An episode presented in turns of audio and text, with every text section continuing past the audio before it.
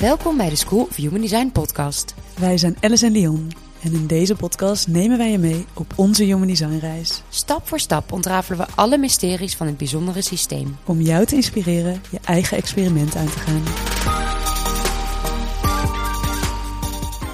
Fijn dat je weer luistert naar een nieuwe podcastaflevering. In deze aflevering gaan wij praten over angsten. Een wat serieuzer onderwerp dit keer. Ja, want hoewel angsten er zijn om je te helpen, het wil je beschermen tegen gevaar of tegen iets wat onveilig is, hebben ze vaak nogal een beperkende uitwerking op hoe we ons bewegen door het leven of op de keuzes die we maken. Ja, want door angsten kun je niet altijd goed voelen wat je nou echt diep van binnen wilt. Want angsten kunnen je heel voorzichtig maken. Ze kunnen je systeem zelfs helemaal plat leggen. Denk bijvoorbeeld aan een freeze-reactie. Ze zorgen voor stress, paniek, twijfels. En als je denkt, maar wat hebben die angsten nou met human design te maken? Goeie vraag. Nou, angsten kunnen ontstaan door ervaringen in het leven. Uh, dat kennen we denk ik allemaal, zoals trauma's. Maar angsten zijn dus ook terug te vinden in je human design chart. Uh, om precies te zijn in het mildcentrum, je spleen. Dit centrum staat voor je immuunsysteem, dus voor je instinct, intuïtie. Of eigenlijk voor het instinctief weten wat goed is of niet goed is voor jou om te overleven. En dat instinct dat wordt aangestuurd door angsten, door overlevingsangsten. Angst heeft een hele nuttige functie. Met name vroeger hielp onze voorvaderen echt letterlijk met overleven. Dus wanneer je in aanraking kwam met iets gevaarlijks, en dan zorgt de angst ervoor dat je lichaam in een staat van paraatheid wordt gebracht. Want in een split second probeert het gevaar te ontwijken. En te bedenken, wat moet ik doen? Moet ik vechten? Krijg je de fight-reactie? Of moet ik vluchten? Een flight-reactie. Alles maar om te zorgen dat je er eigenlijk zo heel en gezond mogelijk vanaf komt. Ja, in zo'n zo moment wordt eigenlijk je hele systeem geactiveerd. En zelfs als je last hebt van irreële angsten, hè, wanneer je niet echt bang hoeft te zijn of niet echt daadwerkelijk gevaar loopt, dan nog geeft je lichaam dus echt een angstreactie. En dat is een heel oud systeem dat echt in ons DNA zit. Uh, en wat je hele systeem als het ware plat legt. Want als je moet vechten voor je leven, of elk moment eigenlijk door een tijger of door een leeuw mm -hmm. kunt worden opgegeten, dan is er eigenlijk gewoon geen ruimte meer voor andere dingen. Dan ga je niet, weet ik veel, eerst je eten verteren, maar dan ga je eerst inderdaad of vechten of vluchten. Gewoon, er is maar één optie op dat moment. Ja, en hoewel het dus is bedoeld als een beschermingsmechanisme, merken we in de praktijk en in de huidige tijd dat angsten ja, een ander effect hebben dan vroeger. Dus we hoeven onszelf niet meer op dat niveau te beschermen. Maar wat we nu zien is dat angsten ons vertragen, ons zelfs volledig overnemen. En dat het lijkt alsof ze hun functionaliteit een beetje zijn verloren. Ja, want inderdaad, want wij hoeven ons gelukkig, godzijdank, eigenlijk niet dagelijks druk te maken dat we worden opgegeten. Alleen het stomme is dat die angsten nog steeds net zo echt zijn. Dus denk aan het niet halen van een deadline of nou eventueel daardoor verliezen van je baan. Uh, of eventueel het krijgen van feedback, hè, dat is daar ook weer aan gekoppeld. Uh, dat kan voor ons dus nu eigenlijk net zo gevaarlijk en net zo echt aanvoelen als dat we nou ja, op onze hielen worden gezeten door een wild dier. Ja, dus die, die angsten nemen ons nog net zo over als vroeger. Ja, het voelt hetzelfde. En in het Taoïsme wordt gezegd dat we eigenlijk niet langer dan 20 minuten in deze nou ja, doodsangst eigenlijk, of in deze stresssituatie mogen zitten. Doen we dat wel, dan wordt je eigenlijk je hele systeem ontregeld. En uiteindelijk is dat iets ja, wat je zelfs ziek kan maken. Ja. Nou ja, niet zo gek dat angsten geen heel uh, goed imago hebben. Nee. Terwijl ze er zijn om je te helpen. Je zou het bijna vergeten, hè? Ja, ja. En zo werkt het ook met de angsten uit het Mailcenter, uit je Human Design Chart. En die hebben zelfs de specifieke taak om jouw bewustzijn te vergroten. Maar laten we eerst even kijken, wat is het verschil tussen een gedefinieerde en een ongedefinieerde mailt? Want dit heeft nogal invloed op hoe je met angsten omgaat. Ja, want is jouw mailcentrum gesloten, en dat is uh, bij ons beiden het geval... Ja. Uh, dan heb je van nature een heel krachtig immuunsysteem. Eigenlijk voel je intuïtief aan wat er goed is voor jou en wat niet. Dus intuïtief weet je als het ware hoe je voor je lichaam moet zorgen. En uh, de spleen, dus het, het, centrum van intuïtie noemen we dat ook wel, uh, die balanceert als het ware de hele tijd tussen fear, dus tussen angst, en feel good. En die feel good is eigenlijk de te directe tegenhanger van angst. En dat is nou ja, eigenlijk als je het heel erg weer terug, terug doortrekt naar die overlevingsangst, dan is dat eigenlijk het gevoel van blij zijn dat je het hebt overleefd. Dus je hebt in die angst gezeten en daarna valt het als het ware van je af. En dan Een relief. zo'n- eh. Zo'n relief, inderdaad. En zoals ik net al zei, we mogen eigenlijk niet te lang in die stresssituatie zitten. Want als je langer dan 20 minuten in zo'n stresssituatie zit, dan gaat dat relief moment eigenlijk gaat niet meer vanzelf aan. Nou ja, en wat je dan dus gaat krijgen, is dat mensen op zoek gaan in de vorm van dopamine rush of nou ja, denk aan koffie is een, een lichte, maar ook verslavingen of ja. andere manieren Afleidingen. eigenlijk, afleidingen en het zoeken van zo'n rush om weer dat feel-good sy- ja, systeem eigenlijk te activeren. En daar heb je op een gegeven moment steeds meer voor nodig als je dat nou ja, langer niet doet. En eh, het voordeel is als je eh, dus een gesloten hebt, hè, dus een gesloten mildcenter, dan heb je daar een constante energiestromen. En daardoor eh, ben je eigenlijk minder gevoelig voor prikkels van buitenaf. En weet je van nature eigenlijk wat jouw systeem nodig heeft om enerzijds te overleven, dus eh, nou ja, echt in de basis gezond te blijven, maar ook om je goed te voelen. Ja, en is jouw mailcenter open, ja, dan werkt dat dus anders. Want dan stroomt hier geen constante energie. En dit betekent dat je veel ontvankelijker bent voor de energieën van buitenaf. Dus van nature weet jij niet zo goed hoe je je lichaam gezond kunt houden. En hoe je met dat systeem kan werken, je angstsysteem kan werken. Ehm, je weet van nature minder goed wat nodig is om je goed te voelen. En dit is iets wat je echt mag gaan leren. Ja, dus met een gesloten mail, dus met een gesloten intuïtiecenter, weet jij intuïtief of instinctief vaak hoe je om moet gaan met deze angsten. Nou en als je dat dus niet hebt, als je een open spleen hebt, dan is dat wat lastiger. En dat leer je dan als het ware dus eh, of uiteindelijk door heel veel ervaringen of met behulp van anderen. Maar wat zijn die angsten nou precies? De angsten die wij zo gaan bespreken, ja, ze gaan niet klinken als overlevingsangsten. Bij sommige denkjes denk ik, hè, maar zo heftig is dat toch niet? Ehm, maar zoals we net al zeiden, ook in deze tijd kunnen angsten heel echt voelen. Het kan echt voelen alsof je leven ervan afhangt. Ehm, dus probeer ook met die bril naar, naar de angsten te kijken die we beschrijven... of de angsten die jij terugvindt in je eigen design. Even kijken, laten we beginnen met poort 48. Dat is de angst om niet genoeg te zijn. Om nog niet klaar of af, tussen aanhalingstekens, te zijn. En het eeuwige gevoel om altijd nog dat ene ding te moeten doen... waarna je dan eindelijk goed genoeg bent. Ja, en het lastige is dat dat ene ding, dat komt misschien wel nooit. Nee. Omdat het inderdaad zo'n constante stroom is. Eh, en nu zijn er eigenlijk in de basis twee manieren om met zo'n angst om te gaan.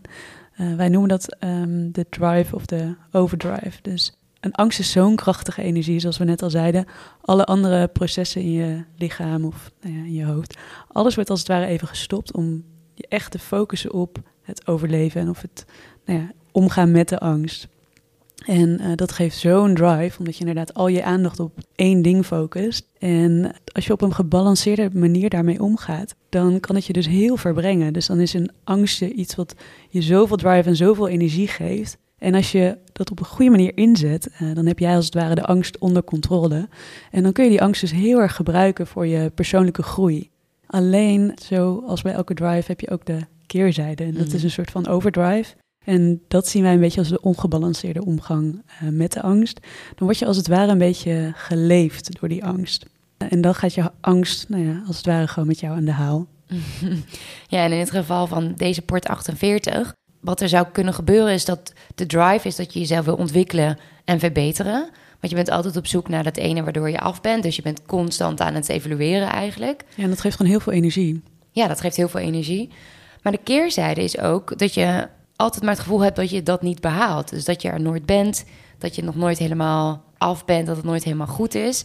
Dus dat je een lage zelfwaarde krijgt. En dus dat gevoel dat je dat punt nooit bereikt. Dat is heel onbevredigend eigenlijk. Ja, en dat kan je ook zelfs blokkeren inderdaad. Dus wat je zegt over die lage zelfwaarde, dat is echt iets wat je kan belemmeren ook in het, in het leven. Dus zo zie je maar weer dat, dat die angsten inderdaad gewoon twee functies hebben. En dat wij als het ware zelf aan het stuur zitten om te bepalen nou of we inderdaad onze angst voor ons laten gebruiken. Of dat nou ja, onze angst er met ons vandoor gaat. Ja.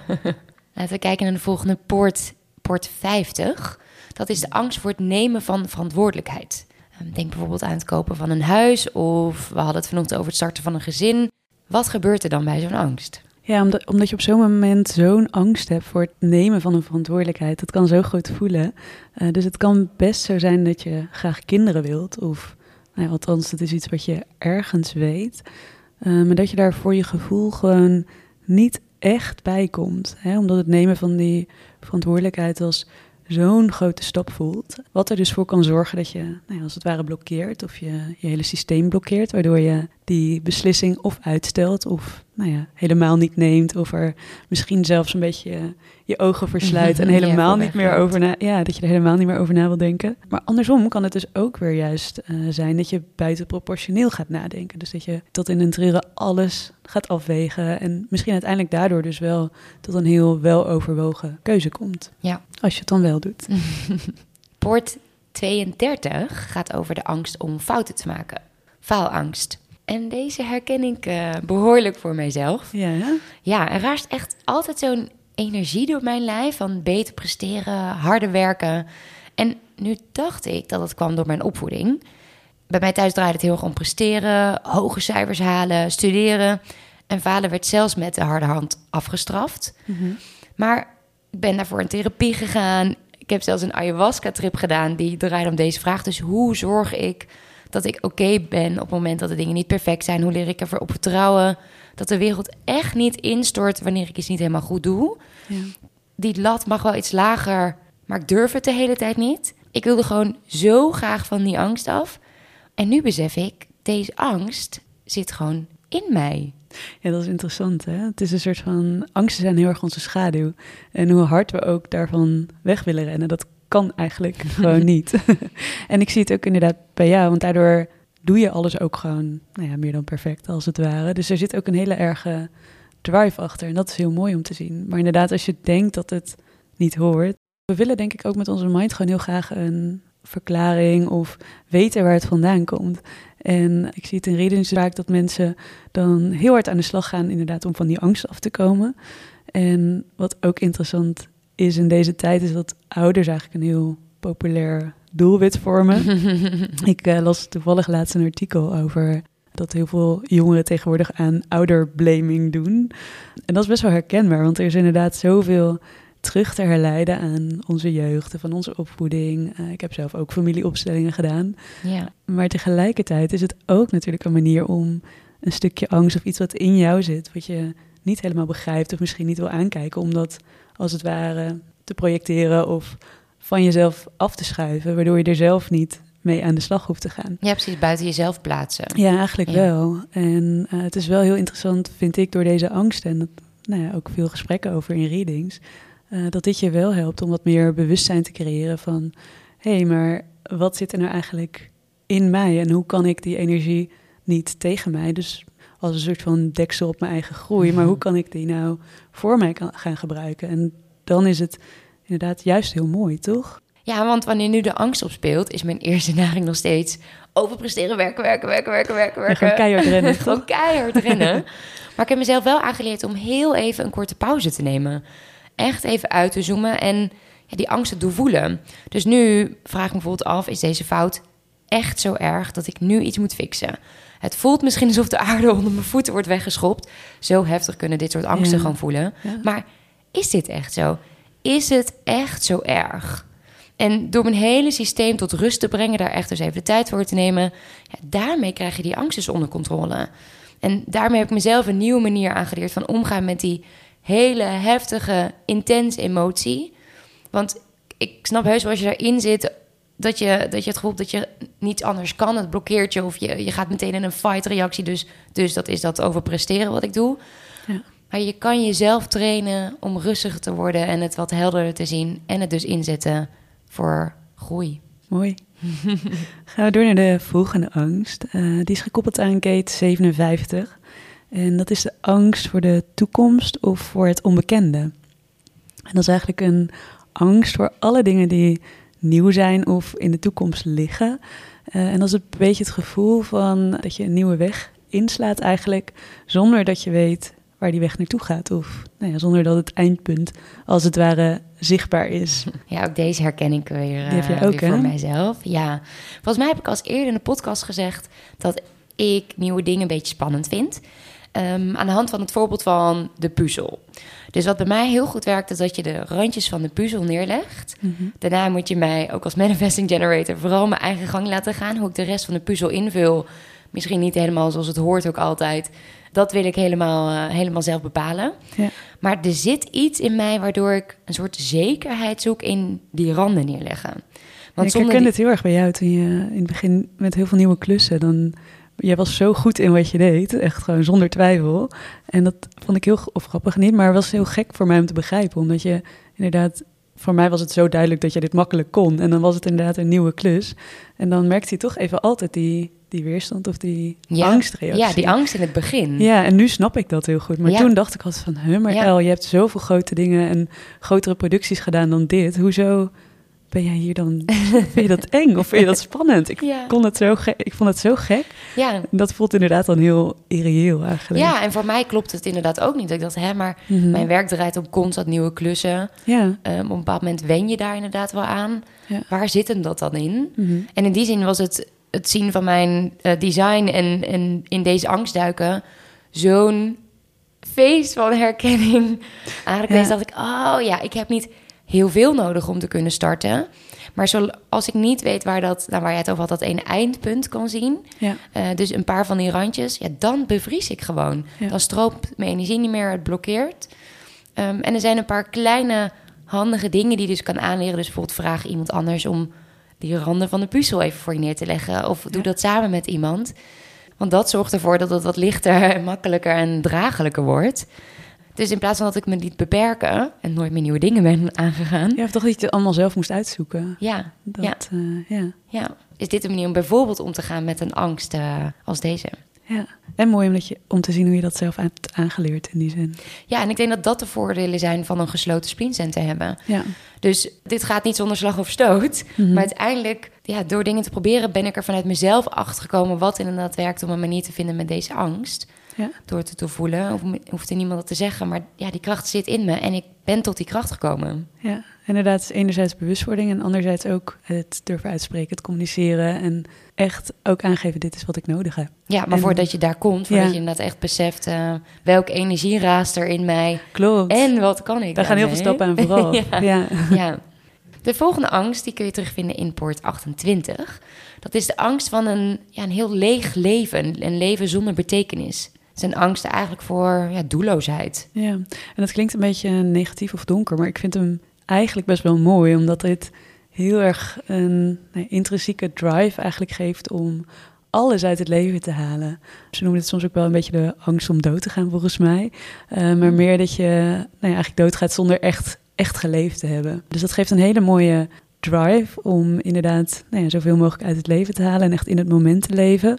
Alleen tegelijkertijd kan dit nou ja, ook weer een soort van overdrive geven, dat het zich uit in bijvoorbeeld thrill seeking. Dus dat je eigenlijk constant op zoek naar prikkels of dingen buiten jezelf gaat die jou maar dat gevoel geven dat je leeft. En Ja. dat nou ja, kan steeds groter en heftiger. En eh, ja, dus dat kan een beetje een destructieve manier zijn om dit in te zetten. Maar als je deze op de goede manier inzet, ja, dan helpt het heel erg om echt je purpose te leven en om alles uit het leven te halen. Ja, we hebben beide deze poort niet, hè? Jij hebt Nee, deze ook volgens mij niet. niet. Nee. De volgende poort heb jij wel, poort 44. Ja, dat is mijn eerste.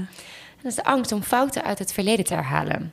Om projecties van angst vanuit het verleden te gebruiken in de dingen die je op dit moment doet. Ja, dat is inderdaad een. ehm, het is wel interessant, want ik, ik moet zeggen dat ik deze niet heel duidelijk bij mezelf herken. Eh, misschien is dat nog een blinde vlek. Het heeft sowieso bij mij lang geduurd voordat ik eh, angsten herkende. Ik denk ook wel omdat ik veel in mijn hoofd leefde. Dus nou ja, daar zat ik gewoon. Daar was, daar was minder die connectie, denk ik, met dat, dat je wat je echt in je lijf voelt. Dus als je het hebt over echt bevriezen bijvoorbeeld. Ik kende dat denk ik gewoon Hm. niet zo. Het, het gebeurde dus wel, maar dat nou ja, kom ik pas nu veel meer achter. Nu voel ik het letterlijk in mijn lichaam, dat het echt gewoon me stopt. Alleen dat heb ik eigenlijk hiervoor nooit zo duidelijk gevoeld. Dus ik dacht eigenlijk gewoon, nee hoor, ik heb geen angsten. Eh, en dat is wel grappig, want ik zie dit ook vaak terug bij readings. Dus dat mensen inderdaad, het eerste idee is van angsten, nee hoor, die heb ik niet. Eh, en dan daarna hoor je ze praten of dan nou ja, ga je het over voorbeelden hebben. Of dan zeggen ze, ja, maar ja, ik doe dat niet, want eh, ik ben bang dat dan dit en dit... of ik durf niet meer van mezelf te laten zien, want... Nee, dus dat is wel heel grappig. Dus er is ook wel een beetje bewustzijn voor nodig, überhaupt, om die angsten te herkennen. Ja. En dan vind ik dit wel interessant, omdat deze best wel veel inzicht kan geven. Dus nou, ik had laatst met een vriendin bijvoorbeeld erover. eh, als je nu in een relatie zit en eh, bijvoorbeeld heel erg bang kunt zijn dat je partner vreemd gaat, ik noem maar wat. En stel dat je dan ooit hiervoor een partner hebt gehad die vreemd is gegaan, dan is het best interessant om eens te kijken van, hey, is dit iets wat nu speelt? Hè? Of projecteer ik eigenlijk iets wat in het verleden nou ja, mij is aangedaan of een angst dat dit weer gaat gebeuren, projecteer ik dat dan nu op de partner waarmee ik nu ben. En ook een andere die best wel vaak, of nou ja, die mensen wel wat vaker herkennen ook, is dat als je bent opgegroeid eigenlijk in een uh, gezin waar bijvoorbeeld altijd geldtekort was of altijd uh, niet voldoende middelen, ja, dus dat is echt die schaarste, dan kan het dus zijn dat je nu heel veel geld hebt en je eigenlijk nooit zorgen hoeft te maken over geld, maar dat er toch een energie mhm. in je is die altijd bang is dat je nou ja, niet genoeg geld hebt of moeite hebt met geld uitgeven of dat soort dingen. Dus ik herken hem wel en ik vind hem heel erg, hij geeft veel inzicht. Alleen ik weet niet of ik hem nou nu direct een voorbeeld van mezelf Voor eh, jezelf, nee. ja, daarbij heb. Nee. Misschien herken je wel meer in de volgende poort, poort 18, die ook in jouw design te vinden is. ja, die ken ik zeker. dat is de angst om niet perfect te zijn. De mhm. angst dat iets niet perfect is of misschien wel nooit perfect zal zijn. Ja, die vooral. Ja? dat is heel naar. het is een constante drive en focus uh, nou ja, op wat er dus nog beter kan. De energie die beweging en verandering in gang zet, overigens. Mm -hmm. maar hoe zet je dat dan in? Deze herken ik heel sterk bij mezelf. En dat, dat komt enerzijds denk ik omdat hij en in mijn Incarnation Cross zit, maar ook een van de twee ingevulde kanalen. Ik heb maar twee kanalen ingevuld in mijn design. Dus een van de twee vormt deze poort ook een onderdeel van. Plus dat ik manifester ben, dus er zit voor mij gewoon heel heel sterke drive in van altijd veranderen en verbeteren en kijken wat er beter kan ook. Ik heb ook uh, immers verandermanagement gedaan. Dus uh, nou ja, dat is heel herkenbaar. En uh, het is grappig, want jij vertelde net ook iets over je ayahuasca-trip. En dat herken ik ook qua dat ik op een punt eigenlijk kwam in mijn leven dat ik dacht dat ik alles had, maar iets in mij voelde toch van, ah, maar ik ben toch niet helemaal gelukkig. Of ik nou ja, ben nooit echt helemaal tevreden. En hoe komt dat nou? Toen ging ik eerst uh, personal body plan doen. Dat is echt hilarisch eigenlijk. Omdat ik dacht, ja, ik heb wel alles, maar ik heb, ik heb geen blokjesbuik. dat is nu iets wat je helemaal niet meer kunt voorstellen. Maar toen dacht ik dat het belangrijk was, denk ik. En dat was weer het volgende punt wat ik kon verbeteren aan mezelf. Of kon perfectioneren eigenlijk. En nou ja, op een gegeven moment, na een maand of zo, toen begon ik ineens van die lijntjes te zien. En dacht ik, oh, maar het is eigenlijk heel makkelijk als ik dit echt wil. Maar wat wil ik dan echt? En vooral, waarom vind ik dit nou zo belangrijk? Dus waarom was ik niet compleet of niet ja, tevreden. Niet tevreden zonder. Nou ja, en dat is voor mij best wel een start geweest van nou, proces, maar wel echt mijn zoektocht naar van, hè, maar waar zit het dan in? En eigenlijk kwamen er nou, in de loop van de tijd steeds meer antwoorden en nou ja, het werd steeds duidelijker.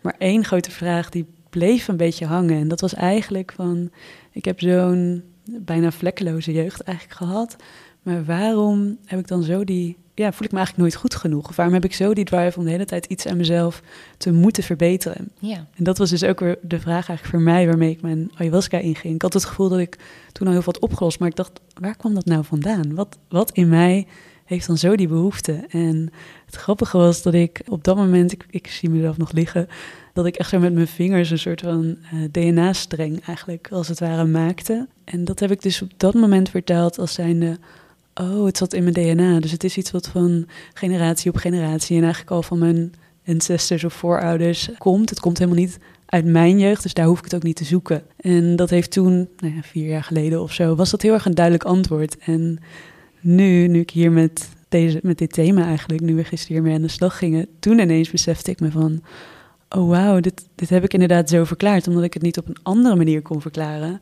Maar eigenlijk realiseer ik me nu pas van, oh, dit, het zat in mijn DNA, maar het zit gewoon oh.